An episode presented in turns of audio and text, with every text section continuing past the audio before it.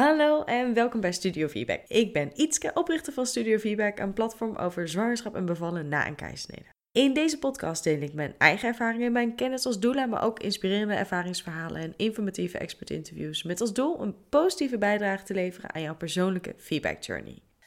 Soms weet uh, iemand al gelijk na een keizersnede uh, bevalling dat ze bij de volgende zwangerschap vaginaal willen bevallen. En soms is het ook een hele reis om erachter te komen welke keuze nou precies bij jou past. En het is vandaag weer tijd voor een ervaringsverhaal. Daarvoor heb ik Bea te gast in mijn digitale studio. Hartelijk welkom. Dankjewel. Laat ik uh, gelijk met deze vraag dan ook beginnen. Was jouw feedbackwens al heel snel aanwezig na de eerste geboorte van je kindje? Ja, die was wel snel aanwezig, maar ik vond het heel lastig om te bepalen of dat überhaupt voor mij uh, was weggelegd. Ook uh, omdat bij mij een grote rol uh, in mijn zwangerschap mijn diabetes type 1 speelt. Waardoor ik eigenlijk in mijn eerste zwangerschap ja, volledig volgens protocol in het ziekenhuis onder begeleiding ben geweest bij een gynaecoloog. Dus uh, ja, of dan een, uh, een feedback of uh, ik wil dat aller, allerliefst een, een ageback, dus thuisbevalling. Ja, dat leek me helemaal een utopie. maar goed, ja, uiteindelijk, spoiler, is dat, is dat toch gelukt.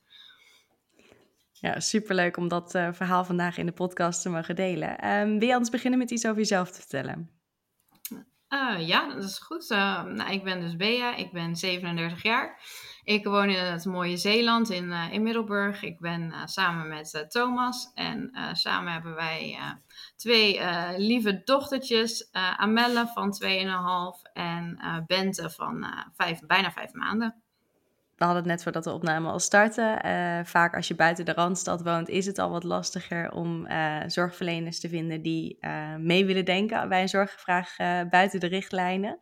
Um, maar dat is in jouw geval dus gelukt met een, met een super benieuwd naar hoe dat is gelopen. Maar zullen we beginnen met de geboorte van Amelle? Ja, uh, ja daar, eh, daar begint eigenlijk de hele, hele journey mee. Want anders had ik hier niet gezeten.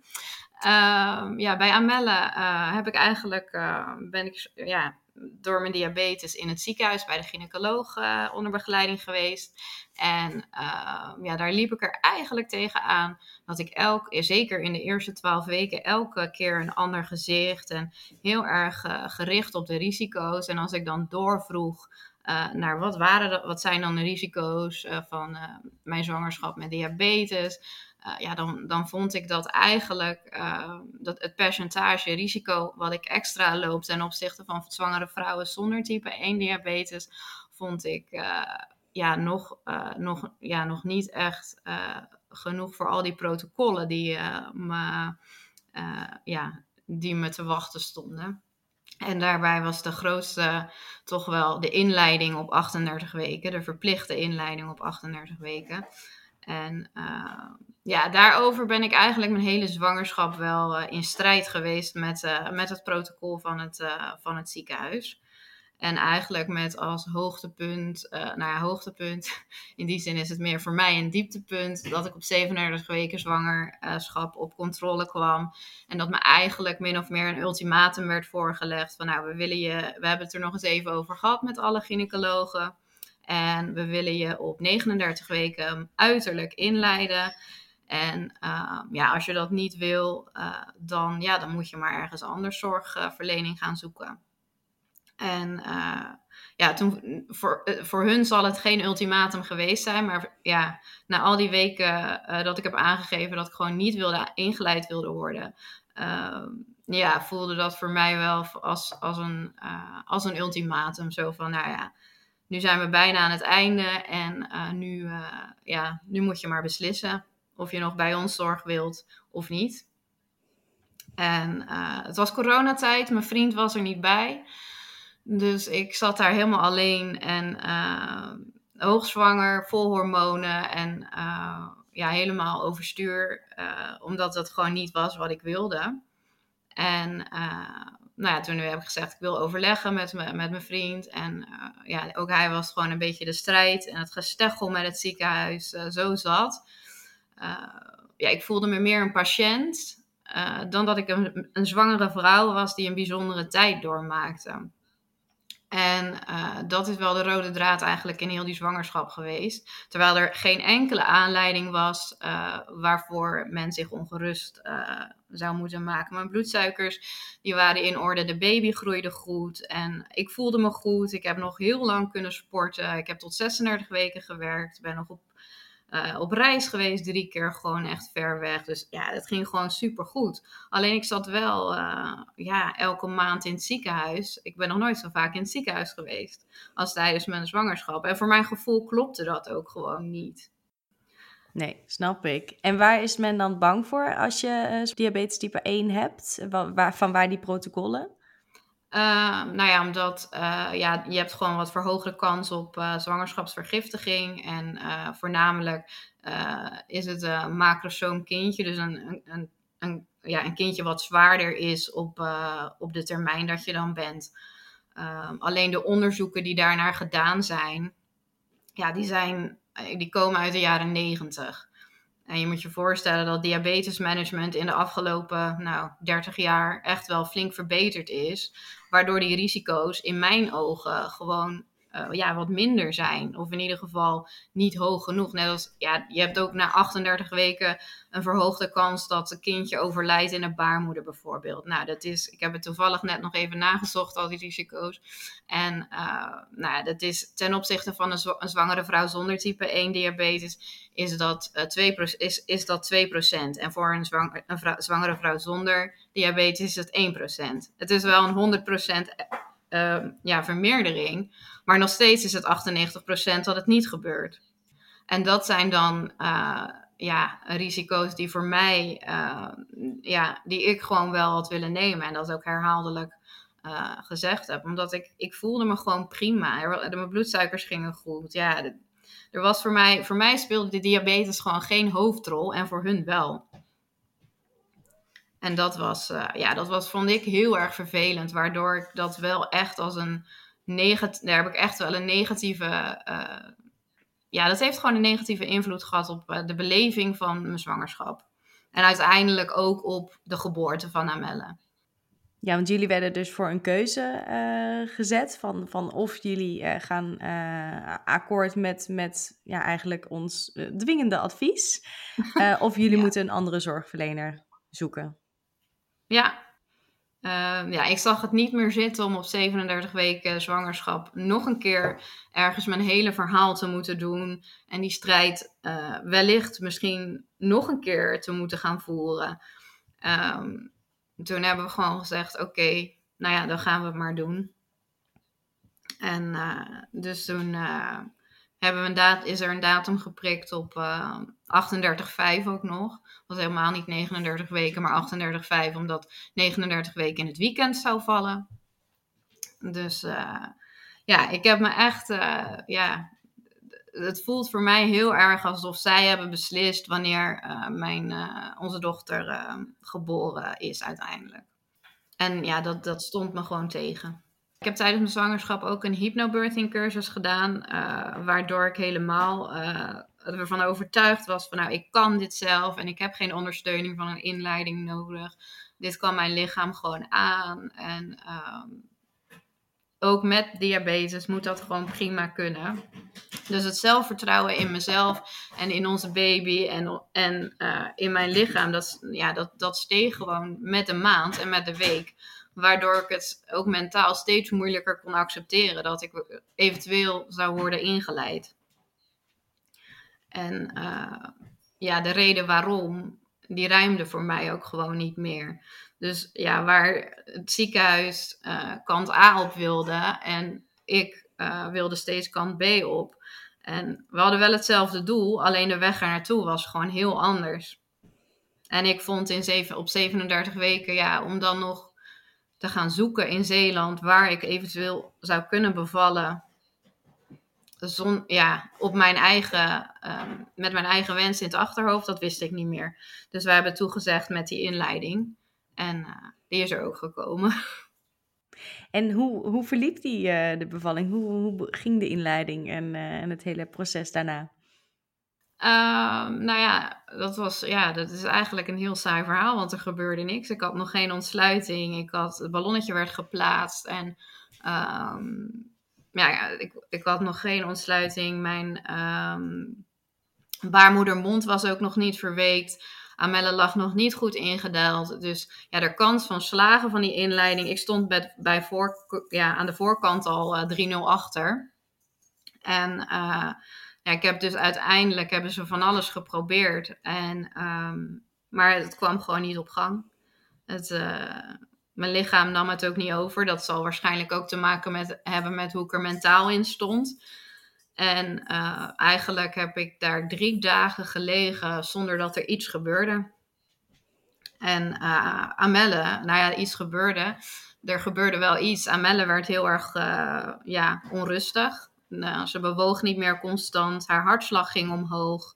En toen zei de gynaecoloog ook op dat moment van ja, weet je, ik kan je nu wel naar huis sturen en dan mag je morgen weer terugkomen. Uh, maar je hebt een kindje in je buik wat niet goed meer beweegt. Haar hartslag, we zien op het CTG dat haar hartslag uh, ja, hoger is dan normaal. Ik kan je nu uh, binnen een uur een gezonde baby geven. dat weet ik niet als we, als we je morgen weer zien. Ja, dan, gaat, ja, dan is de keuze vrij, in, in ons geval, in ieder geval vrij eenvoudig ja, haal hem maar. Dus toen uh, lag ik met een half uur op de OK. En ehm, ja, daar ging alles eigenlijk heel erg snel. En ehm, toen hadden we wel geluk dat Thomas, mijn vriend, erbij mocht zijn. Want dat was net een week in de coronatijd. Waren die maatregelen versoepeld dat, ja, dat de partner weer bij een keizersnede aanwezig mocht zijn. Dus daar was ik wel heel blij om. En uh, ja, uiteindelijk uh, is het uh, allemaal heel goed verlopen. En ja, is tien over twaalf s'nachts Amelle geboren. Ja, ik heb er voor mijn gevoel fysiek niet zoveel uh, voor, uh, voor hoeven doen. Al is natuurlijk een, uh, ja, ik zag laatst buikgeboorte, dat vond ik ook wel heel mooi. Ehm, is natuurlijk ook niet niks. Maar ja, ik had graag de oerkracht in mezelf aangesproken om, om dat zelf te doen. alleen dat, dat is me niet gegund. Nee, wat je zelf ook al benoemde, dat je zat er mentaal ook. Je voelde alles en je voelde als dit is eigenlijk niet het moment voor mijn kindje om geboren te worden. dit is niet nodig. Nee. Um, ja, dat, dat helpt natuurlijk ook niet. Nee, Nee, dat is precies. Ja, dat dacht ik ook op dat moment al. En toen dacht ik, ja, dit heeft ook eigenlijk geen zin. Maar ja. Ja. Nee, ik begrijp dat je het dan toch ook gewoon probeert. Want ja, dit is de route waarin je uh, nou eenmaal bent ja. beland. En, en zeker zo uh, laat in je zwangerschap. Ja, ik snap dat dat allemaal niet zo recht toe recht aan is om dan uh, een andere weg in te slaan. En was een, een keisnede, was dat een scenario waar je op had voorbereid ook? Ja, ja hoor je wel. Want ik weet, uh, als ik uh, zwanger... Ja, ik, bereid, ik was best wel voorbereid überhaupt op een zwangerschap. Ook door mijn diabetes. We moeten, je waardes moeten gewoon binnen een bepaalde range zijn. Nou, ik had gezorgd dat dat voor mijn zwangerschap al, uh, al flink... ja, al langer tijd goed was. Zodat ik in mijn zwangerschap niet voor verrassingen zou komen te staan. Um, en daardoor heb ik ook allerlei verhalen gelezen van vrouwen uh, die, met diabetes type 1 die dan zijn ingeleid. En ja, het viel me toen al wel op dat heel veel inleidingen uh, uiteindelijk eindigen in een, uh, in een keizersnede. Dus ik dacht, ja, dat, daar zal ik ook rekening mee moeten houden. En ja, daar heb ik me ook in verdiept. En toen dacht ik, nou, dan wil ik een moeder geassisteerde keizersnede. maar ja, dan ben je in Zeeland en dat, dat doen ze daar nog niet. Of in ieder geval toen. Ik weet niet of ze het nu, nu doen, maar ik denk het niet. Ik weet nog wel dat ik Koen Durlo, de gynaecoloog van het Diakones ziekenhuis, die de, de eerste moeder geassisteerde keisnede hier in Nederland heeft gedaan, die zei van ja, ik doe dit alleen omdat vrouwen, ehm, ouders bij mij kwamen en zeiden dit willen wij graag.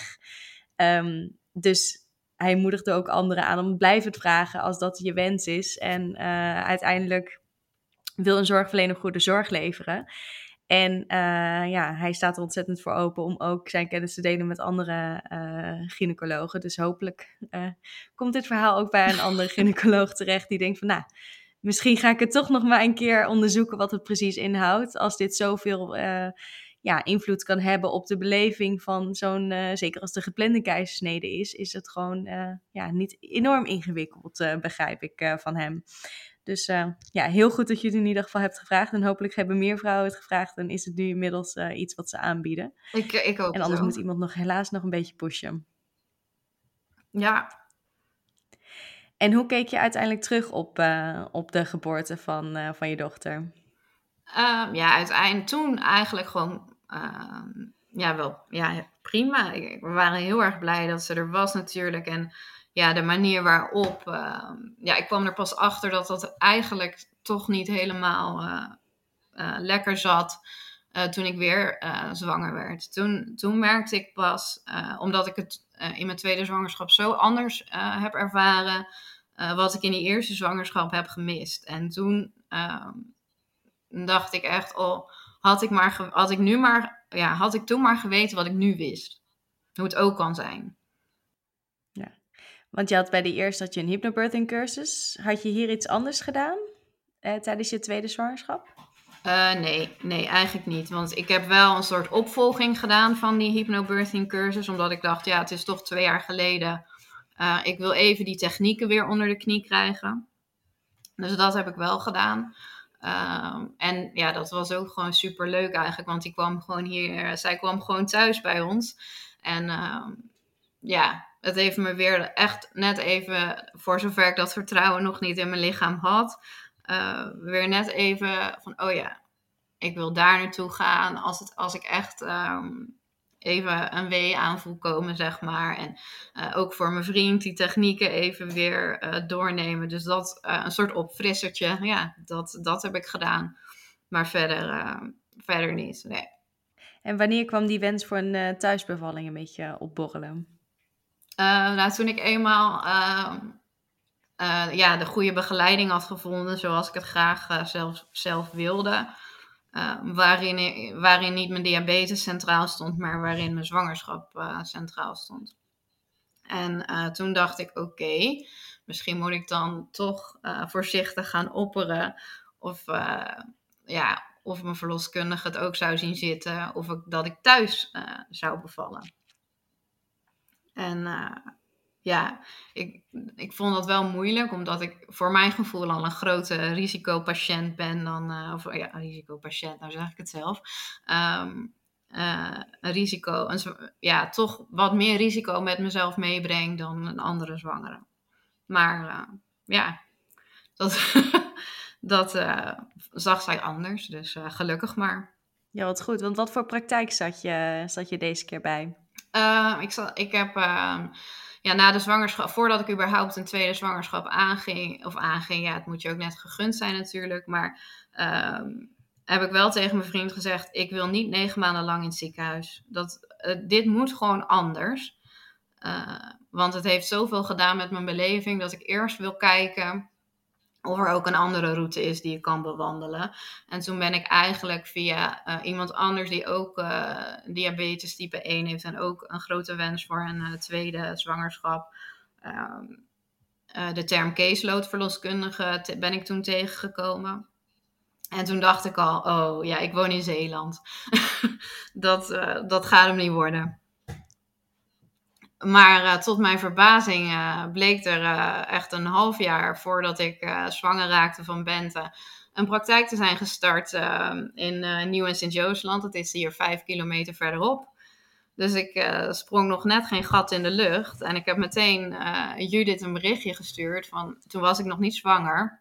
Van, goh, ehm, ik zou graag eens met je willen praten om, ehm, ja, om door te spreken of je überhaupt uh, ja, mij zou, eventueel zou willen begeleiden als ik uh, zwanger mag raken van uh, onze tweede. En eh, toen zijn we met elkaar om de tafel gaan zitten. En ze heeft wel aangegeven dat ze het wel graag in samenspraak of in, ook in een goed overleg met een meekijkend gynaecoloog ehm, wilde, wil doen. Dus dat was wel even slikken voor mij, want ik wilde het liefst gewoon echt nul keer in het ziekenhuis komen. Uh, Maar ja, ze heeft me toch wel overtuigd dat dat wel even goed is om in ieder geval een gynaecoloog op de hoogte te houden van de zwangerschap. En ehm, wat er ook in het ziekenhuis mogelijk is, zodat we, mocht het nodig zijn, wel snel kunnen schakelen. En dus ja, dat heb ik allemaal voor mijn zwangerschap ehm, ja, eigenlijk geregeld. en toen ehm, raakte ik zwanger en toen had Judith gelukkig nog plek. Ja, dat moet dan ook nog maar net even ja, matchen. precies. Dus uh, ja, toen uh, kon ik uh, bij haar, kwam ik bij haar onder begeleiding. En ja, het is gewoon echt een wereld van verschil. Je zit een uur met elkaar aan tafel in plaats van dat je een uur in de wachtkamer zit voor een gesprek van 20 minuten. Um, ja, ze gaat overal dieper op in. Ze wil graag weten wat jij en je partner, of ja, wat wij graag wilden. Uh, ja, dat is echt een wereld van verschil. Gewoon voor de deur parkeren, uitstappen en je zit in, uh, in de praktijkruimte. Dat is echt, zulke soort dingen maakten voor mij de beleving al heel anders. Ja. Ja, je kon dus echt gewoon even uh, zwangere zijn in plaats van een zwangere met diabetes type 1 en een keisnede in de geschiedenis en, en, en, en, en. Ja. Gewoon echt even genieten van je zwangerschap. Uh, ja, met een keizersnede in de voorgeschiedenis had ik natuurlijk weer een medica medische indicatie erbij. Dus uh, dat, uh, ja, dat leverde bij mij dan nog wel een beetje stress op. Dat ik dacht, oh ja, nu heb ik niet alleen die zwaar bevochten diabetes, maar ook nog de keizersnede. Maar ja, dat, daar dacht Judith gelukkig anders over. En hoe zijn die wensen bij jou verder een beetje, hoe, hoe, hebben die een beetje vorm gekregen over wat er dan wel mogelijk is en hoe dat eruit zou zien en uh, wat, je, wat je wensen allemaal waren voor deze bevalling? Um, ja, eigenlijk uh, stond wel, um, ja, wel voorop dat ik gewoon, dat het mijn allergrootste wens was dat dit kindje gewoon zelf kon bepalen wanneer het tijd was. En niet dat die regie over werd gelaten aan ehm, aan iemand uh, die, uh, ja, die die regie overnam. En dat was echt de grootste wens. Dan uh, liever niet in het ziekenhuis bevallen. Dat wist ik wel. Op het moment dat ik ook voor het eerst in gesprek ging met een gynaecoloog weer na de zwangerschap van Amelle, dacht ik ook van, ja, was ik echt heel erg, dat vond ik heel spannend. Ik zat bijna huilend aan tafel, omdat ik het ja, het, deed me zoveel. Uh, dat, daar, dat ik weer tegenover iemand zou gaan zitten die wellicht zou gaan bepalen wanneer en hoe met mijn zwangerschap. Uh, terwijl ik zo overtuigd was dat ik het zelf, uh, dat, dat ik dat gewoon aan het kindje over wilde laten. En ja, daar raakte ik ook steeds meer van overtuigd. Dat, ja. maar ja, uiteindelijk dacht ik dus ook, nee, het ziekenhuis is geen goede plek dan voor mij. Want als de weeën dan beginnen, dan weet ik al zeker van, nou, als ik dan onderweg ben naar het ziekenhuis, uh, dan, um, ja, dan gaat het stoppen en dan uh, moet ik aan de oxytocine en dan gaan ze, ja, dan krijg ik weer van alles toegediend wat ik eigenlijk niet wil. Dus al snel bleek dat het ziekenhuis geen goede ja, daar zou ik mijn rust niet gaan vinden. Dus op het moment dat er een indicatie bij zou komen, uh, waardoor uh, Judith ook het vertrouwen in, uh, in een uh, spontane vaginale bevalling niet, um, niet zou zien zitten, dan zou ik ook meteen hebben gekozen voor een geplande keizersnede. Ja, goed dat je voor jezelf eigenlijk al heel duidelijk had van waar, waar zijn mijn grenzen en wat is precies belangrijk voor mij. Is het, nou ja, je zei onder andere van eigenlijk het liefst dat mijn kindje, mijn lichaam zelf aangeeft wanneer mijn kindje er klaar voor is. Dat die bevalling vanzelf begint, dat dat heel belangrijk voor je is. En dat er ook grenzen aan zaten van hoe ver wil ik gaan voor die vaginale bevalling. En wanneer kies ik dan liever voor een geplande. Dat is echt wel, uh, denk ik wel heel, heel fijn om dat als startpunt te hebben. Ja, ja. Alleen het, ja, het, het maakt het allemaal. Het was echt, oh, het was zo, spa zo spannend uiteindelijk. Wat vond je zo spannend? Uh, nou ja, in overleg met de gynaecoloog uh, hebben we toch besloten dat ik. Um, ja, zij had, zij had uiteindelijk op 30 weken hadden we nog een gesprek over het verloop van de zwangerschap en hoe het ging. En over hoe ik uiteindelijk graag wilde bevallen. Uh, en zij kwamen uit dat ja, dat, dat ik dan tot 40 weken door mocht lopen. En ehm, dat, dat ze dan daarna eigenlijk de geplande keizersnede wilden doen. Maar ja, daar was ik het natuurlijk niet mee eens. want ik wilde me eigenlijk spiegelen aan een vrouw zonder type 1 diabetes. En daarmee wordt pas over een geplande keizersnede gesproken op 41 weken. Dus ik dacht, ja, dan, dan wil ik ook tot 41 weken wachten. En ja, gelukkig hebben ze me daarin niet, geen ultimatum gesteld en ook niet um, ja, ook niet gedwongen. Ze hebben gewoon die keizersnede op 41 weken gepland. Uh, maar ja, gelukkig, gelukkig heeft dat geen. Uh, dat, dat, die datum kwam wel steeds dichterbij. Maar, en daardoor was het voor mij heel spannend, want ik wilde dat gewoon echt, echt niet. en uh, ja, gelukkig kwam Bent op een gegeven moment zelf. Maar wel uh, vier dagen na de uitgerekende datum. En dat was wel echt, voor mij waren dat zenuwslopende dagen. Ja, dat kan ik me voorstellen. Oké, dus 40 en 4 begonnen te rommelen. Hoe, hoe verliep die bevalling?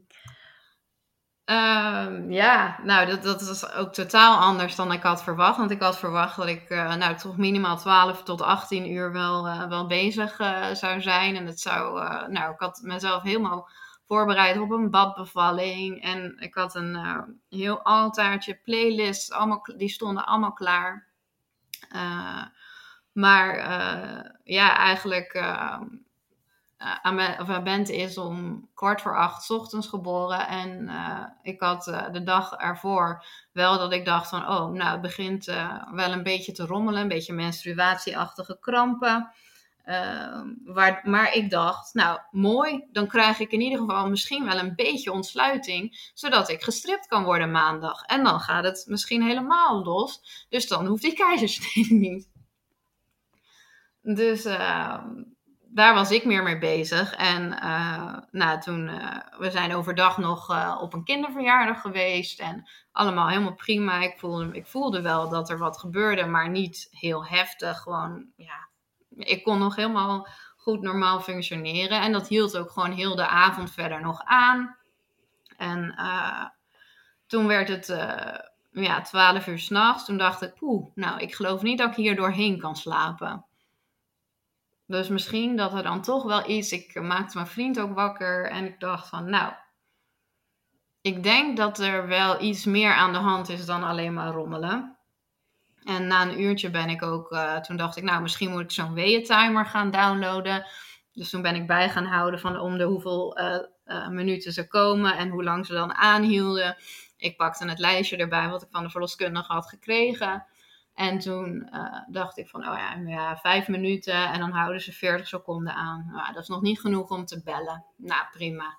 Dan, dan weet ik gewoon dat, dat het in ieder geval, het rommelt wat en dan zal ik haar nu niet bellen. En uh, ja, ik ben rondjes door het huis gaan lopen, over, hier over het dakterras.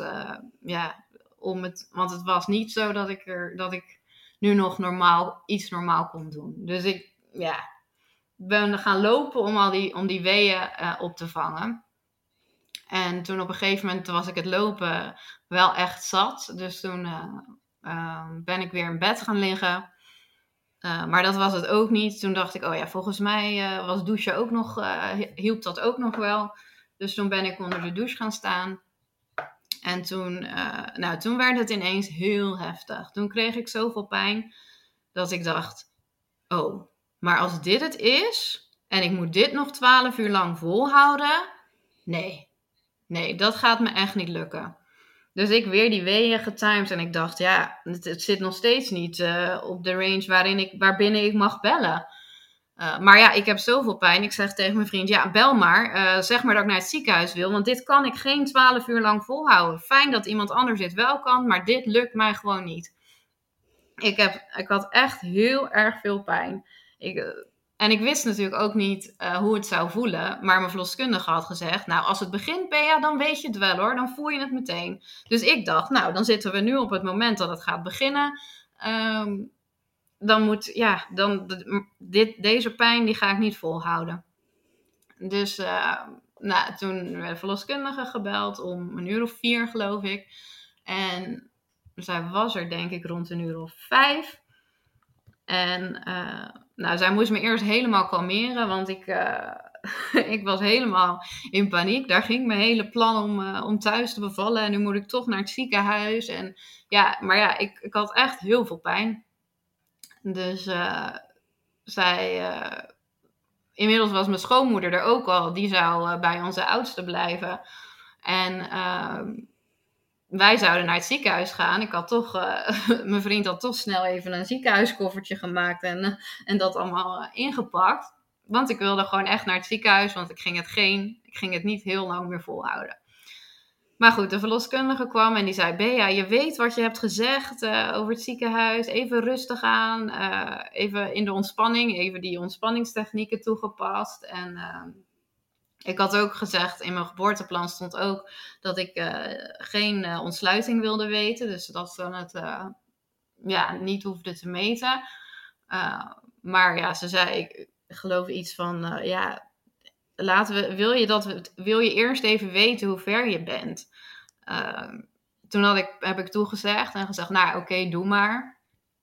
En toen kwam dus dat kwam er dus uit dat ik eigenlijk al uh, heel ver was. En dat als we naar het ziekenhuis uh, zouden willen, dat, ja, dat het bijna niet meer ging. Of in ieder geval dat, uh, dat ik die keuze nu echt moest maken. Want anders was het al, ja, anders zou Bente er al zijn.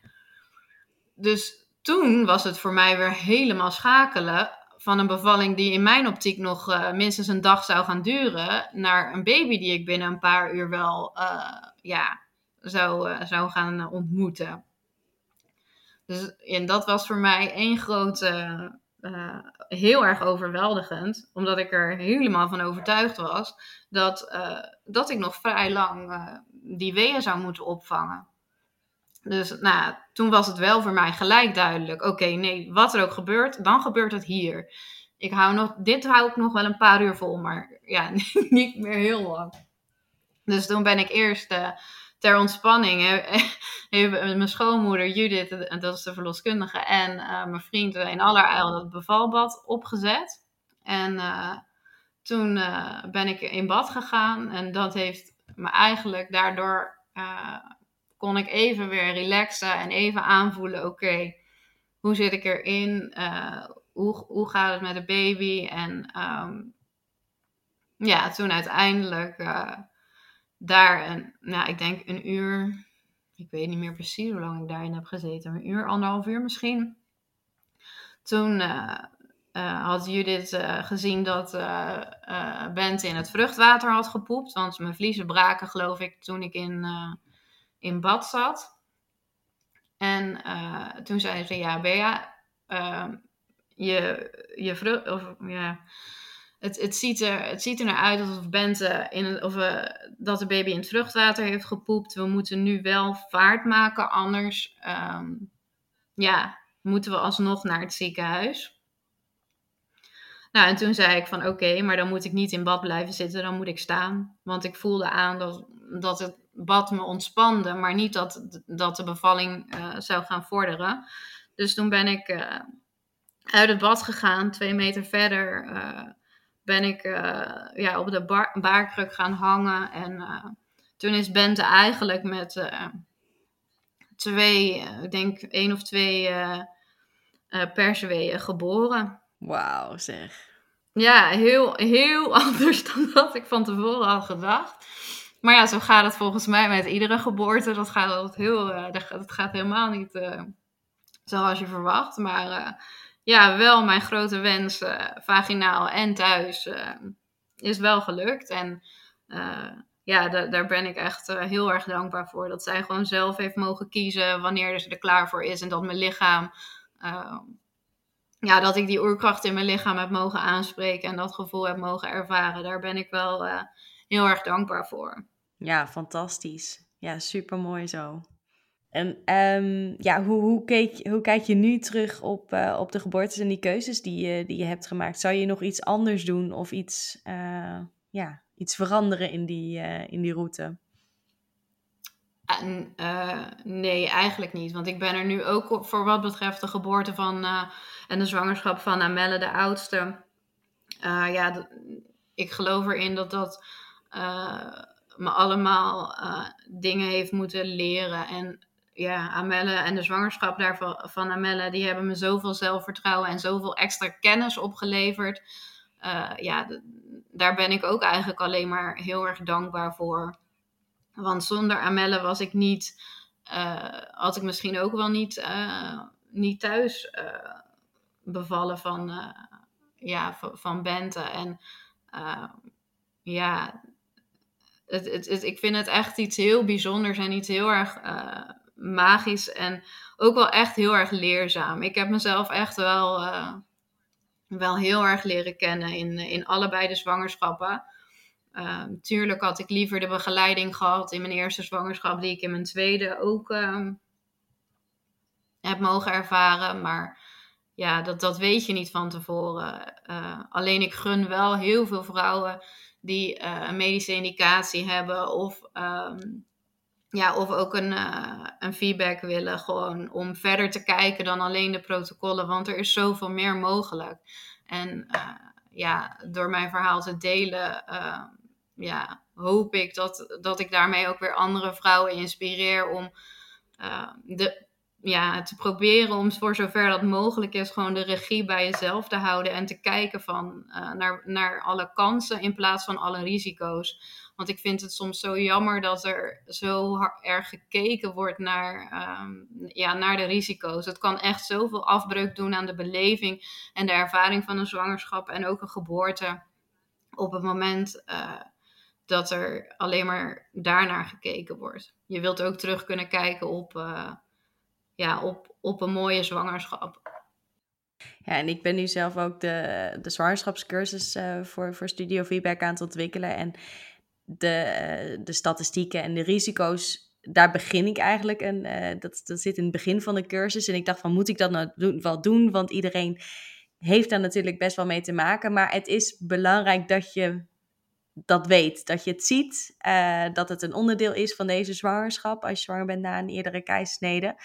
Maar in, in het medische stukje waarin je als, als vrouw of als persoon dan terechtkomt, dan lijkt het alsof dat het enige is. Uh, het protocol, de risico's, de gevaren.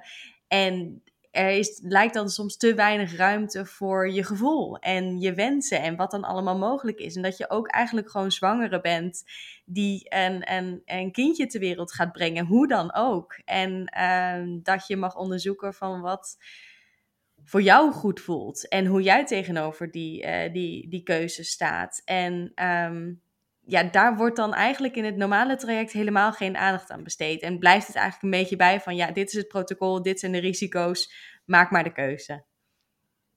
Ja, ja en zo, zonder uh, meer stil te staan bij. Want ja, ook met, uh, met mijn wens voor een feedback, ja, daar heeft Judith ook gewoon van tevoren alle risico's op een rijtje gezet. En uh, ook gewoon gezegd van ja, maar de, de kans dat het goed gaat is gewoon groter. Alleen er is wel een kans dat het misgaat. En toen hebben wij heel erg gekeken van, nou ja, wat gebeurt er dan als het misgaat? En uh, ja, wat zijn dan uh, weer de risico's? En vinden wij, uh, ja, en dat is natuurlijk een keuze die moet iedereen voor zichzelf maken. Maar vinden wij um, ja, maken wij de keuze om uh, alsnog uh, gewoon voor een ageback te gaan of uh, ja, gaan we dan voor een geplande keizersnede. Ja. ja, supergoed dat zij daar zo de tijd voor nam om, om dat allemaal rustig met jou te bespreken. Dat heeft een enorme invloed. En ja, wat je zegt, dat gun je iedereen. En ik denk dat ook met delen van jouw verhaal hopelijk iemand die dit luistert weer geïnspireerd raakt om ook bij zichzelf te onderzoeken van wel, welke route past eigenlijk bij mij. Uh, wat, uh, wat zijn mijn wensen voor, uh, voor deze geboorte? Dus hartstikke bedankt voor daarvoor. Ja, graag gedaan.